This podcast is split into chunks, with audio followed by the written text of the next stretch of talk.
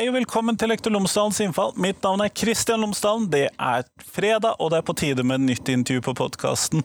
Nå begynner dette med fredagsepisoder og har satt seg så grundig at nå bør jeg vel kanskje egentlig si fra hvis det ikke kommer en episode på en fredag, heller enn å kalle det noe spesielt.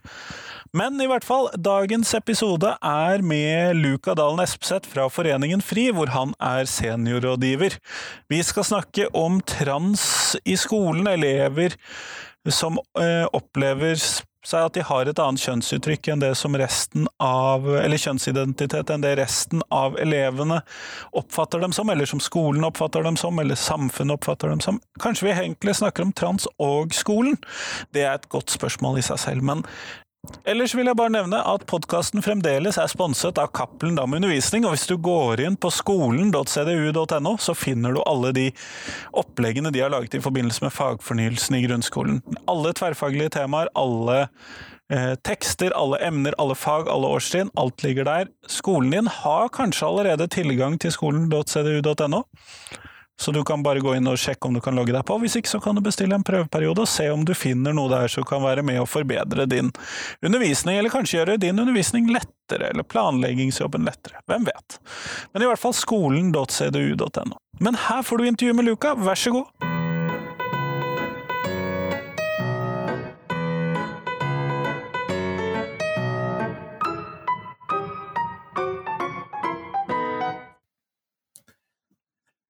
Luka Dalen Espeseth, tusen takk for at du har tatt deg tid til meg i dag. Takk.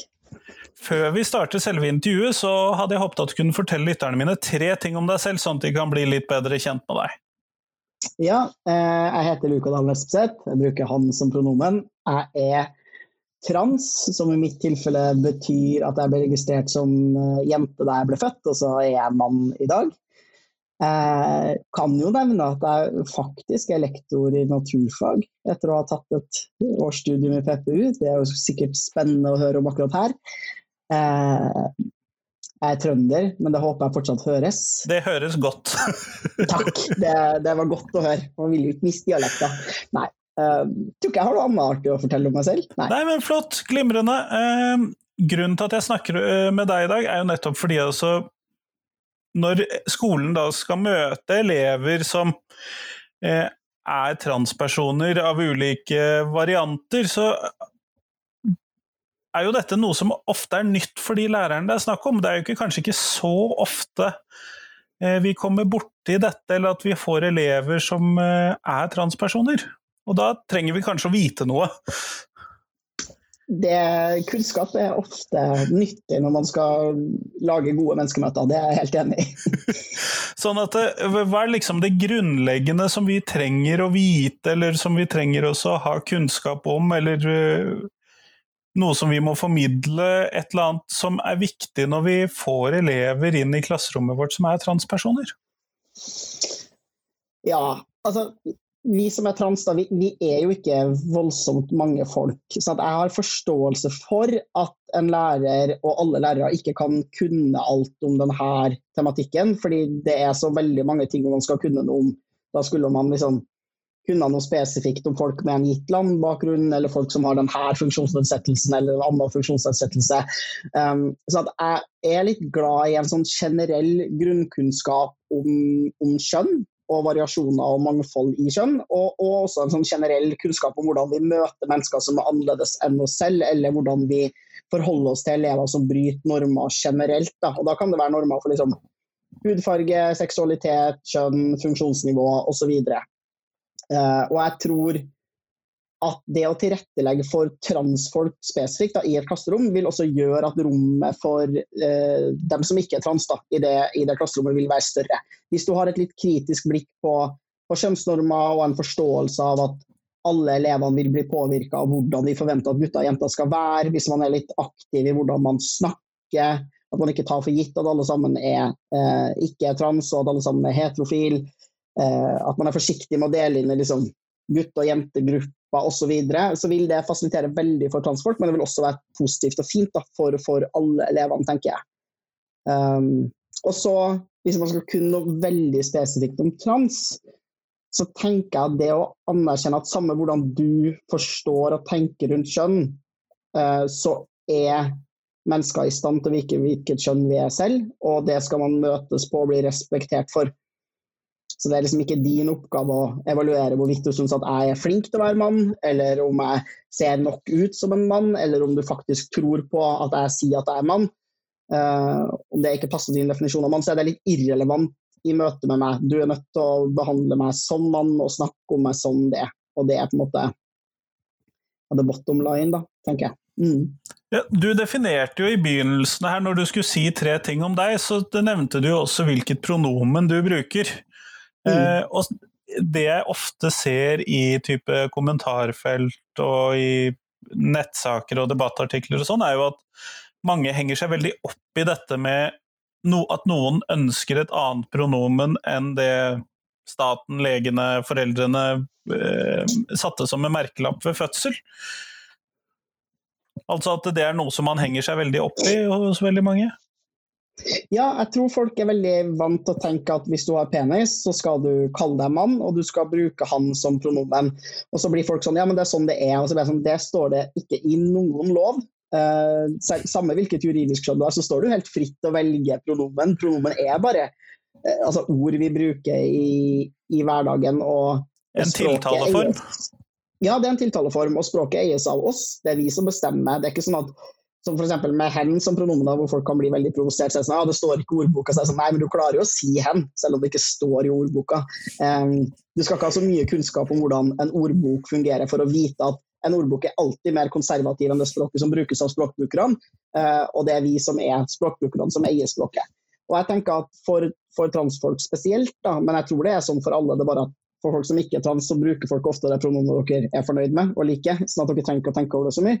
Men akkurat pronomen er nok ganske viktig for folk. Og det er en veldig enkel måte å anerkjenne og tiltale folk på en måte som føles ålreit. Og jeg tenker at det er ekstremt viktig å respektere folk sitt pronomen. Og være sånn her, ok, Hvis den personen bruker hen, da sier vi hen om hen, liksom. Uh, ja. Og så har jeg forståelse for at det kan være eh, vanskelig og utfordrende for noen hvis, hvis, folk bruker et pronomen som du ikke vanligvis assosierer med den type utseende. Da. At du synes at noen ser typisk maskulin ut eller typisk mannlig ut, og så bruker de hen eller hun som pronomen. Eh, da er alltid mitt liksom, triks da, for å lære folk det, at du skal tenke om pronomen på samme måte som du tenker om navn. Og det at hver enkelt person har et navn og et pronomen som fungerer uavhengig av din opplevelse av dem og hvordan de ser ut. Sånn som jeg sier at jeg heter Luka, så spiller det ingen rolle om du syns at jeg ser ut mer som en Petter. Det er på en måte ikke Du får ikke lov til å si sånn Jeg syns du ser mer ut som en Petter, så jeg bare kaller deg Petter, jeg. Det, det, jeg hadde det, tenkt å ta det opp som et eksempel, fordi det slo meg når du snakket sånn før du kom så langt. Ja. At vi respekterer jo folks navn når de forteller oss navnet sitt. Mm, vi gjør det. Og også hvis de har et annet navn enn det de ble gitt av foreldrene sine etter fødsel. Hvis folk har bytta navn, så tenker vi altså, du heter det du presenterer deg som. Og vi har ikke noe vanskelig for å bruke kallenavn om folk hvis de bruker kallenavn. Vi, vi tvinger ikke folk til å bruke begge fornavnene sine hvis de har to. Eh, vi anerkjenner fullt ut at mennesker bestemmer disse tingene selv. Um, mens med transfolk så, så, klarer vi ikke helt det samme, fordi vi tydeligvis, eller noen da, ikke meg, syns at transfolk kan være litt vanskelig. Nettopp. Men når vi sier at jeg står i klasserommet mitt, og det er etter timen og sånn, og en av elevene eh, henger igjen i klasserommet og ønsker å fortelle meg at vedkommende er trans og ikke eh, ønsker å skifte navn i skolens systemer og den typen ting, hvordan at, eh, hvordan er det viktig at jeg møter denne eleven? Da? Det er kanskje det jeg trenger mest eh, tilbakemelding på. Hvordan er det viktig å møte eleven? Ja. For det første så syns jeg jo at man skal takke for tilliten. Hvis noen forteller deg og bruker deg da, som en av de første menneskene de forteller noe viktig om hvem de er, og hvordan de forstår seg selv i verden, eh, så tenker jeg at du skal, du skal, takke for den tilliten. Og du skal ta det til deg også, som et sånn Jøss, yes, det, det, her unge mennesket valgte meg, av alle å fortelle det her til. Det er det sannsynligvis en grunn til at de har valgt meg. At de, jeg har sagt noe eller eh, gjort meg den tilliten verdig. da. Eh, så å takke for at folk forteller det til deg, og si også noe positivt og fint. Eh, F.eks.: Så flott at du har funnet ut det her om deg selv, så fint at du deler det med meg. Istedenfor å være sånn her Å nei, å, uff, trans, ja, det blir veldig vanskelig, og det er sikkert veldig vondt og vanskelig for deg også, og forferdelig. Og nå må vi eh, med en gang forte oss å løse garderobesituasjoner og tenke på hvordan du skal komme ut til resten av klassen. Bare, uh, ja, altså Spesielt lærere er veldig sånn uh, Løsningsorienterte? Løsningsorientert, hjelpekåt, uh, har lyst til å fikse. Har lyst til å liksom, man blir veldig ivrig. så prøv å liksom bare være litt sånn rolig og bakpå. Være sånn kult, så fint at du forteller meg det her. Um, hva, hva, tenker du? Er det noe du har lyst til? Hvem andre har du fortalt det til? Er det noe du har lyst til å fortelle til andre? Hvilket navn og pronomen har du lyst til å bruke? Skal vi si noe til andre lærere og til klassen, eller, eller vil du vente litt? Det er liksom, ja. Nettopp. Jeg, jeg, antar jo også, dette er, for jeg har jo begrenset erfaring, men jeg ville vel tenke at de som når de først kommer så langt at de er klare til å fortelle om dette, at uh, de av oss som er trans også da har uh, tenkt på f.eks. garderobesituasjoner og andre av den typen ting. Jeg regner jo med at dette er en ganske lang prosess før de kommer til meg i klasserommet. Sannsynligvis. Altså, all erfaring tilsier at vi har tenkt mye før vi forteller det her til noen andre. På samme tid som vi har fått et mer åpent samfunn. Og hvis du allerede har markert deg som en litt LHBT-positiv lærer, så kan det hende at du også får kids som er tidligere i prosessen sin, og som vil mer aktivt uh, ha en dialog da, på hva de har tenkt om egen kjønnsidentitet og hvilke utfordringer de liksom det med inni seg. Uh, så begge deler kan nok skje. Men sannsynligvis så har de allerede tenkt ut de verste skrekkscenarioene for hvor dårlig det her kan gå. Um, så det er også viktig å liksom trygge litt på at det her kommer til å gå helt fint. Uh, for det gjør det for de aller fleste. Det kan være noen tøffe tak, men det er, ja, det er ikke noe alternativ å slutte å være trans, for det er bare, det er bare noe du er. Uh, og alle, de, alle barn vil, og ungdommer vil på en eller annen måte i løpet av livet sitt møte på utfordringer med hvem de er i møte med verden. Og det er ikke noe Målet er ikke at de skal tone ned hvem de er, målet er at vi skal gi dem verktøy til å uh, håndtere den diskrimineringa eller de kan bli utsatt for da, på en god måte, og komme ut av det som liksom sterke, sterkere personer. Og jeg tenker Man er liksom litt for rask på å tenke at sånne type negative ting, da, eller man forstår det fort som en negativ ting, og så er man blir man redd for at dette skal bli veldig vanskelig og problematisk for den kiden. Jeg syns at man i stedet for burde se på det å tilhøre en minoritetsgruppe eller det å ha en livserfaring som ikke er helt mainstream, da, som noe positivt, og noe som definitivt kan være en ressurs i livet ditt. Da. Eh, det er ikke sikkert at den ungdommen forstår det sånn selv enda, men det bør i hvert fall være et mål da, at man skal tenke at så kult at jeg er meg, så kult at jeg får denne livserfaringa. Um, jeg kommer til å bli et bedre menneske, og jeg kommer til å lære masse om meg selv og masse om verden av å liksom komme ut og være den jeg er. Ja, du sier noe, jeg tror ikke det er mange 14-åringer som tenker at uh, annerledesheter er det som uh, vil bidra mest positivt. Nei, man har ofte et, et behov for å være ganske lik de andre. Uh, eventuelt Man ser kanskje litt sånn enten-eller på kids i den alderen der. Man er liksom, enten har man veldig veldig lyst til å være nordmenn, eller så må man gjøre en veldig stor greie ut av den her annerledesidentiteten sin.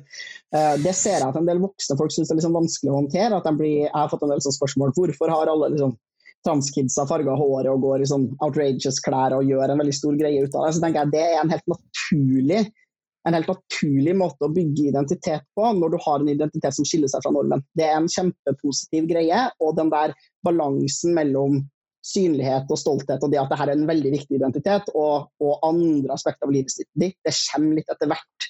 La de her ungdommene springe rundt i regnbueklær til så mye de vil. La dem ha regnbuefarga hår og ikke gjøre en greie ut av det. Liksom bare tenk sånn, Det er kult. Du har behov for å uh, Du har fått, i motsetning til andre, så har du fått lite positiv feedback på din identitet. Du har ikke fått lov til å bygge den over tid i et trygt rom. Da trenger du litt andre typer markører og annen type atferd for å få lov til å bygge denne identiteten og bli trygg i den. Og når du først liksom har blitt trygg i den, så kommer det til å liksom da kommer det til å bli en mindre viktig greie. Da, en mindre stor del av hvem du er. Ja, eh, Men da regner jeg jo med at man ofte hører, og dette gjelder jo alle mulige andre annerledesheter også, enten man er eh, skeiv eller synlig feminist eller et eller annet annet, så er det kan de ikke bare slutte å fortelle oss andre om det, kan de ikke bare være seg selv? Det er vel en feedback som kommer en gang imellom. Ja, jeg tenker at det å få lov til å finne ut av hvem du er da, uh, som tenåring er ekstremt viktig. Og alle vil ha en sånn Oi, nå er jeg helt sykt opptatt av det bandet her, eller den her hobbyen er utrolig dominerende i livet mitt. Og det er litt sånn man finner ut av hvem man er og hvor mye man er forskjellige ting da, i, i tenåra. Det er helt naturlig å gå gjennom sånne type forskjellige perioder hvor ting er større, mindre, mer viktig, mindre viktig. Uh, så det må man bare anerkjenne at er en del av liksom, selve prosessen. Um, og samtidig anerkjenne at det folk sier om seg selv, da, la oss si at, at det her kommer til å bli mindre viktig, eller la oss si at det faktisk er, viser seg at de ikke er trans i det hele tatt om tre år, så tenker jeg at det er ikke noe vits å skulle ikke gi dem plass til å være det akkurat nå. Det er veldig viktig å la ungdommer bli anerkjent og møtt som dem de er og de tingene de synes er viktige akkurat her og nå. Uten å skulle være sånn her Jeg tror at du om fem år kommer til å oppleve det her annerledes. Det er sånn, OK, det kan hende. Men det er en prosess i seg selv å få lov til å være det man tenker at man er akkurat nå. Eh, men du nevnte tidligere i samtalen dette med å være normkritisk til kjønnsroller og eh, kjønnsuttrykksnormer og den type ting. Hvorfor er det viktig? Altså, generelt så er det viktig fordi alle kids da, føler seg begrensa av de her ideene om hvordan gutter og jenter skal være. Hvordan man skal oppføre seg, hvilke hobbyer man skal være, hvem man får lov til å være kjæreste med, hvem man får lov til å være venner med. Eh, hva man skal være interessert i, klær, hva slags språk man bruker, hvor langt hår man skal ha, om man skal få lov til å bruke sminke eller ikke, og hva slags sminke. Og jeg tror at selv om vi lever i et ganske liksom, likestilt land, hvor vi jo helt klart tenker at kvinner og menn har de samme rettighetene og mulighetene, og hvor vi ikke forteller kvinner altså Vi forteller jo ikke jenter på 14 at det ikke er noe vits i at de tar høyere utdanning fordi de likevel bare skal gifte seg og bli hjemmeværende. Jeg håper vi har, vi har sluttet med det, i hvert fall.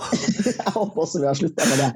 Eh, men normer for kjønn finnes definitivt, og vi ser jo det i eh, ja, I all mulig statistikk da, så ser vi at det er forskjeller som eh, strekker seg utover det som kan forklares av, eh, av de små biologiske forskjellene som, som kanskje finnes på gruppenivå da, mellom det vi kaller kvinner og det vi kaller menn.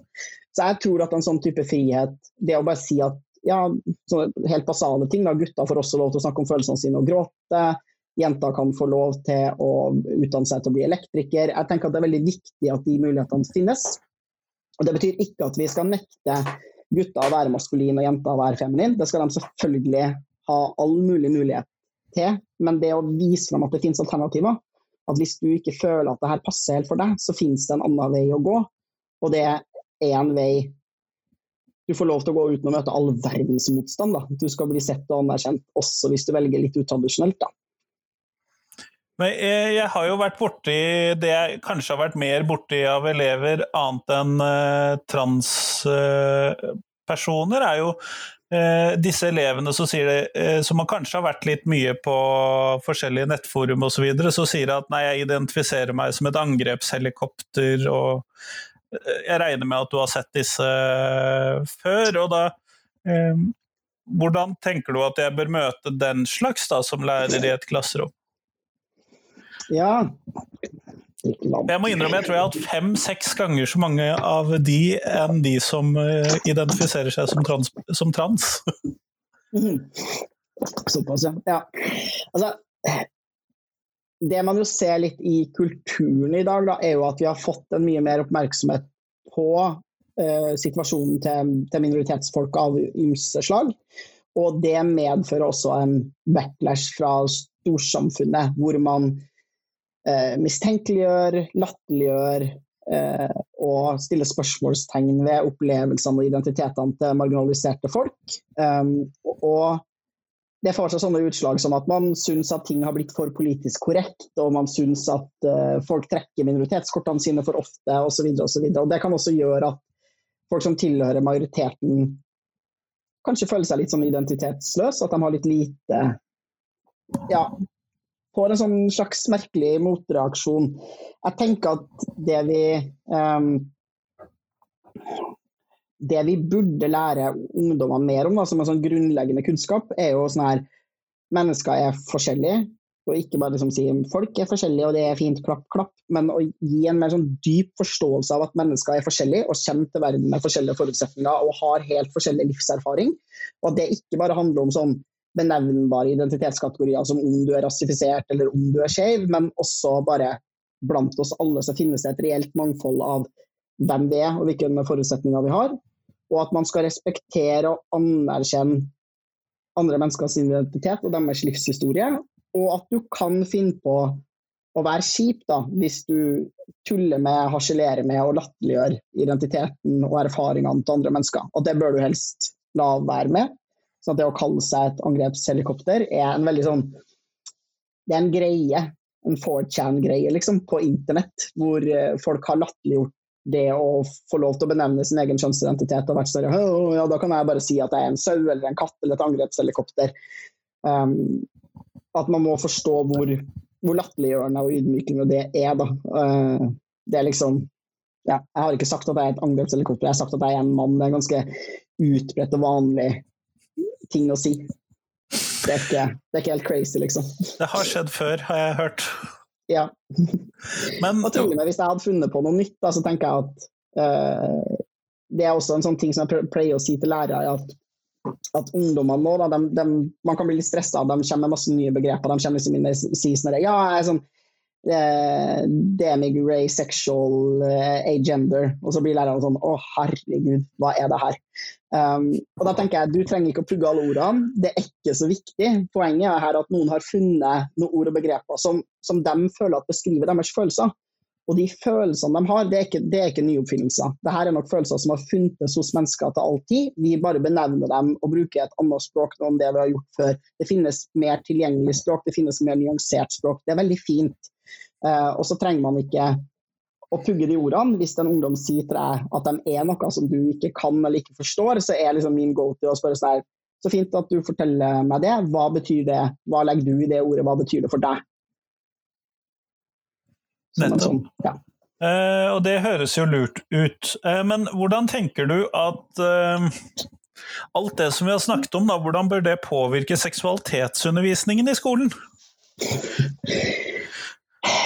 Ja, altså seksualitetsundervisninga i skolen er jo eh, mangelfull. Den er veldig tilfeldig, det er vel det man jevnt over kan si. Den er, den er, veldig avhengig av at du tilfeldigvis har en lærer som ikke blir flau, som kan litt om seksualitet, og som kan noe om seksualitet som, som strekker seg utover egen erfaring og egne ideer og opplevelser. Da. For det ser man jo ofte at dessverre skjer når folk ikke har liksom grunnkunnskap om seksualitetsundervisning, at det blir litt sånn ja, man kan fort finne på å si sånn nei, det hørtes litt sånn rart ut, fordi det har ikke du noen personlig erfaring med. Eh, som er et uheldig utgangspunkt for å gi god seksualitetsundervisning.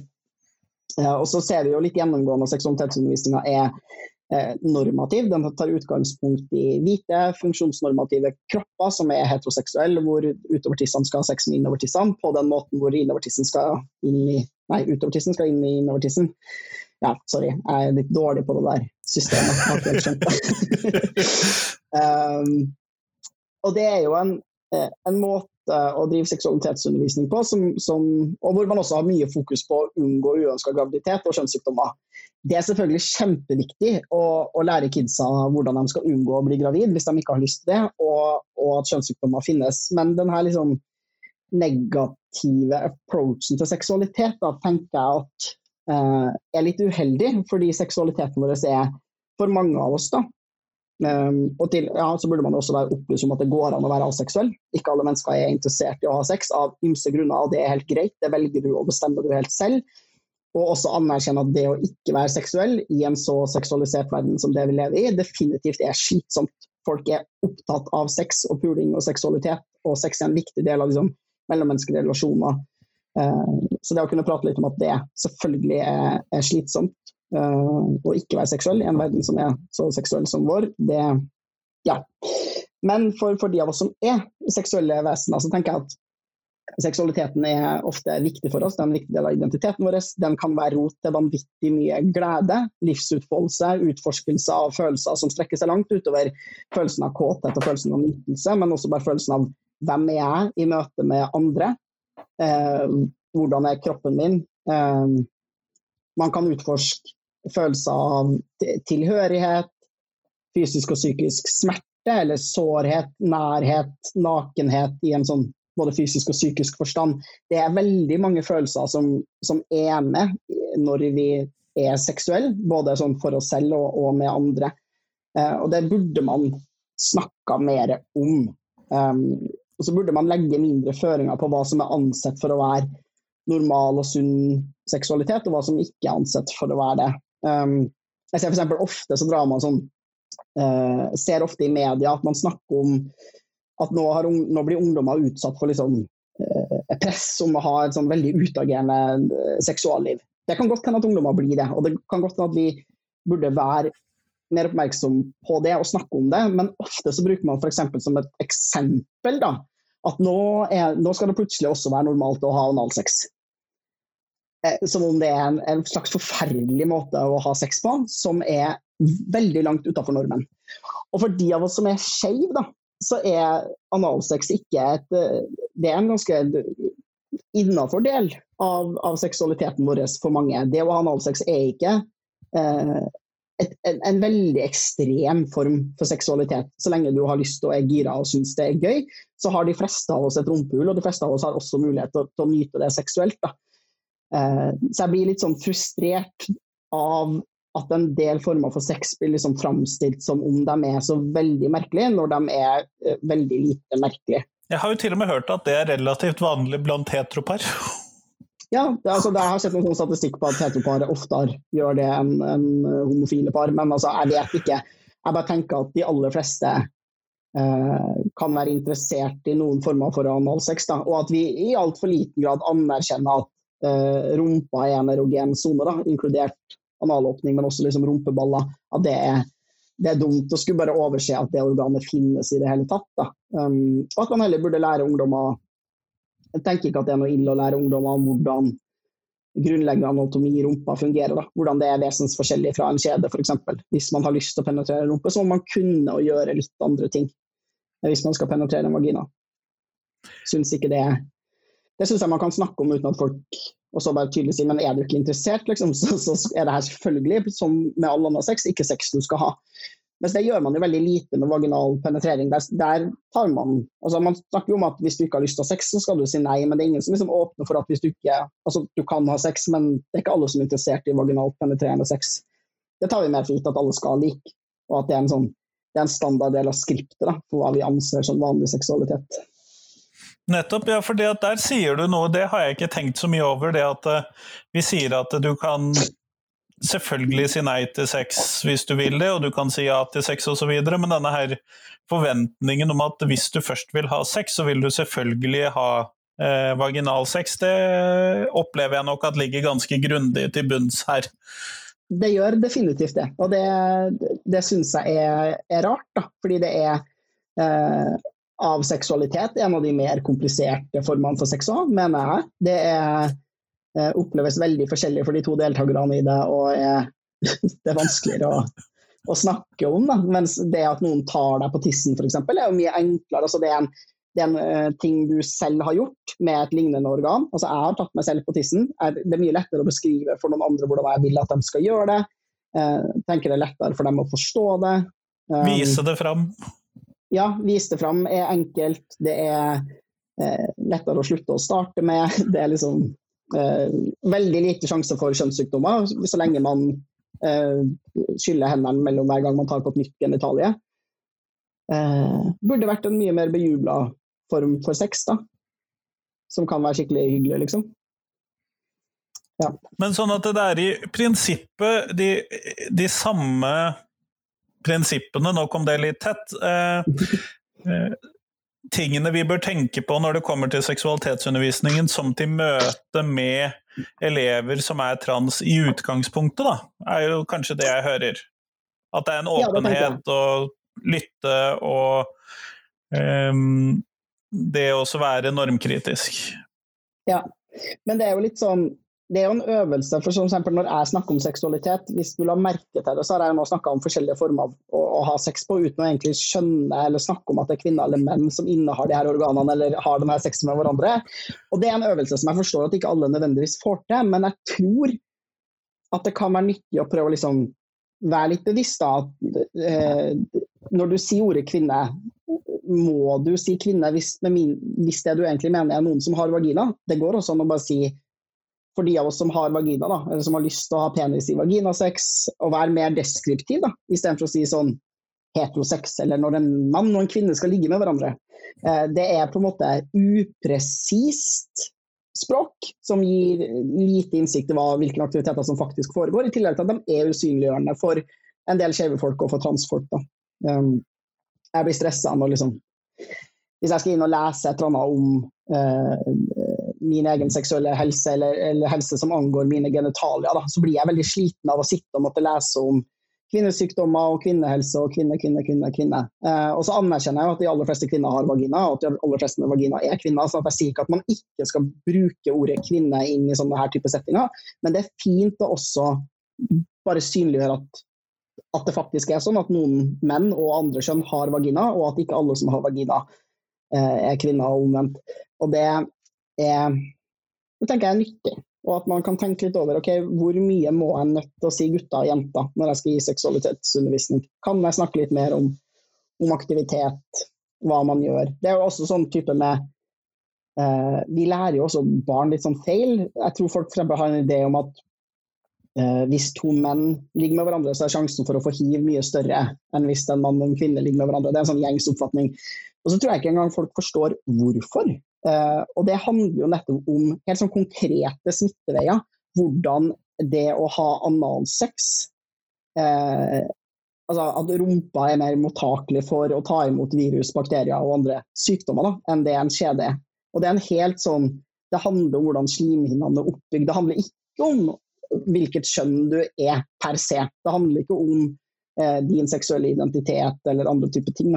Um, så jeg tenker også at en del av den undervisninga kids får, er ja, forenkla til det fordummende. Men det vet vi jo som lærere òg. Det er jo liksom Vi lærer dem jo masse ting som er feil, fordi det er enklere. Så bare relærer vi det høyere oppe i skolesystemet. Men jeg hører jo det at du har brukt dette for de av oss eh, ganske konsekvent gjennom samtalen. Er det noen grunn til det? Ja, altså du gjør det jo sjæl, så det Nei, altså det å si de av oss som er trans, eller de av oss som har eh, ja, penis i vaginasex, er, er på en måte en måte å snakke inkluderende på, hvor man ikke sier oss og dem. Hvor man åpner for at de menneskene vi snakker om, befinner seg i det rommet jeg snakker om, og hvor jeg ikke helt tydelig bestemmer hvorvidt jeg er innafor eller utafor denne gruppa. Det kan også være ganske deilig som lærer noen ganger å liksom snakke om de av oss som har analsex, istedenfor å si dem som har analsex, og så føle på jeg har jo analsex, burde jeg si vi som har analsex? Altså Det blir litt sånn det er også en måte å ikke utlevere seg selv på, eh, som kan være ganske behagelig, spesielt som lærer, kanskje. Eh, og hvor man ja, sier de av oss som er homo, da åpner man for at det finnes homofile folk inne i vårt klasserom. Eh, homo er ikke noe som er de andre der ute som er det. Nettopp, nettopp, nettopp. Jeg tenker jo at det er greit å vite. Jeg syns jo at dette gjelder for ganske mange temaer. Eh, klassikeren i mine fag er eh, 'I Norge er vi kristne' type ting, og da er det samme type åpning for å være noe annet. Ja. Som kan være et poeng. Men vi nærmer oss slutten av podkastintervjuet, og da har jeg et mm. spørsmål som jeg skal stille deg, som jeg stiller til alle de jeg intervjuer. Eh, og ut ifra hvordan du ser det, hva er de viktigste tre tingene som skolen kan lære elevene? Ja, da skal jeg ikke snakke om fag, da, for det syns jeg jo Det tenker jeg at det lærer man. Eh, jeg syns jo at i hvert fall den norske skolen har et sånn overordna mål og en overordna eh, greie i læreplanen som jeg syns er det viktigste. Og det er å lære hvem du er i verden, hvordan du påvirker fellesskapet, og hvordan vi kollektivt skaper et fellesskap med normer og regler, muligheter og begrensninger. Det å eh, få grunnleggende kunnskap om kunnskap er jeg ganske opptatt av. Det å lære eh, normkritikk, det å være kritisk til vitenskap og forstå vitenskapsteori, eh, kildekritikk osv., tenker jeg er i dagens samfunn det viktigste omtrent. Fordi selve kunnskapen den finnes på internett. Så det å finne riktig kunnskap og kunne forholde seg kritisk til den, som kanskje er den ferdigheten folk trenger i framtidas kunnskapsverden. Og så tenker jeg det å klare å møte mennesker som er annerledes enn seg selv, på en god og inkluderende måte. tenker jeg må være noe av det viktigste. Ja. Jeg går for at det er de tingene jeg syns er viktigst. Kjempeflott. Tusen takk for at du tok deg tid til meg i dag, Luka. Veldig hyggelig.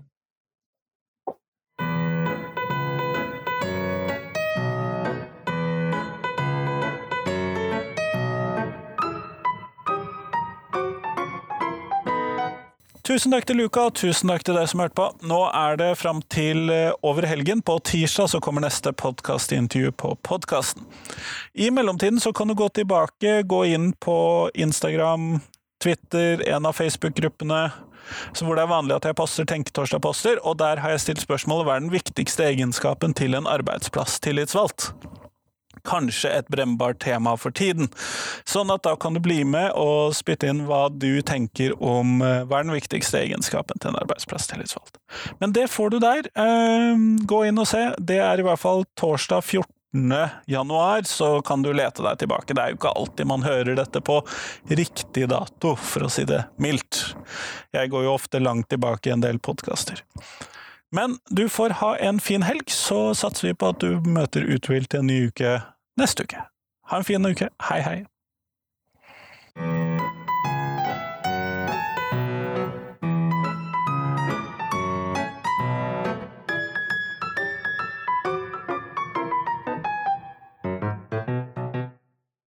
Husk det at du kan gå inn på iTunes, podkaster andre steder, og så rate podkasten.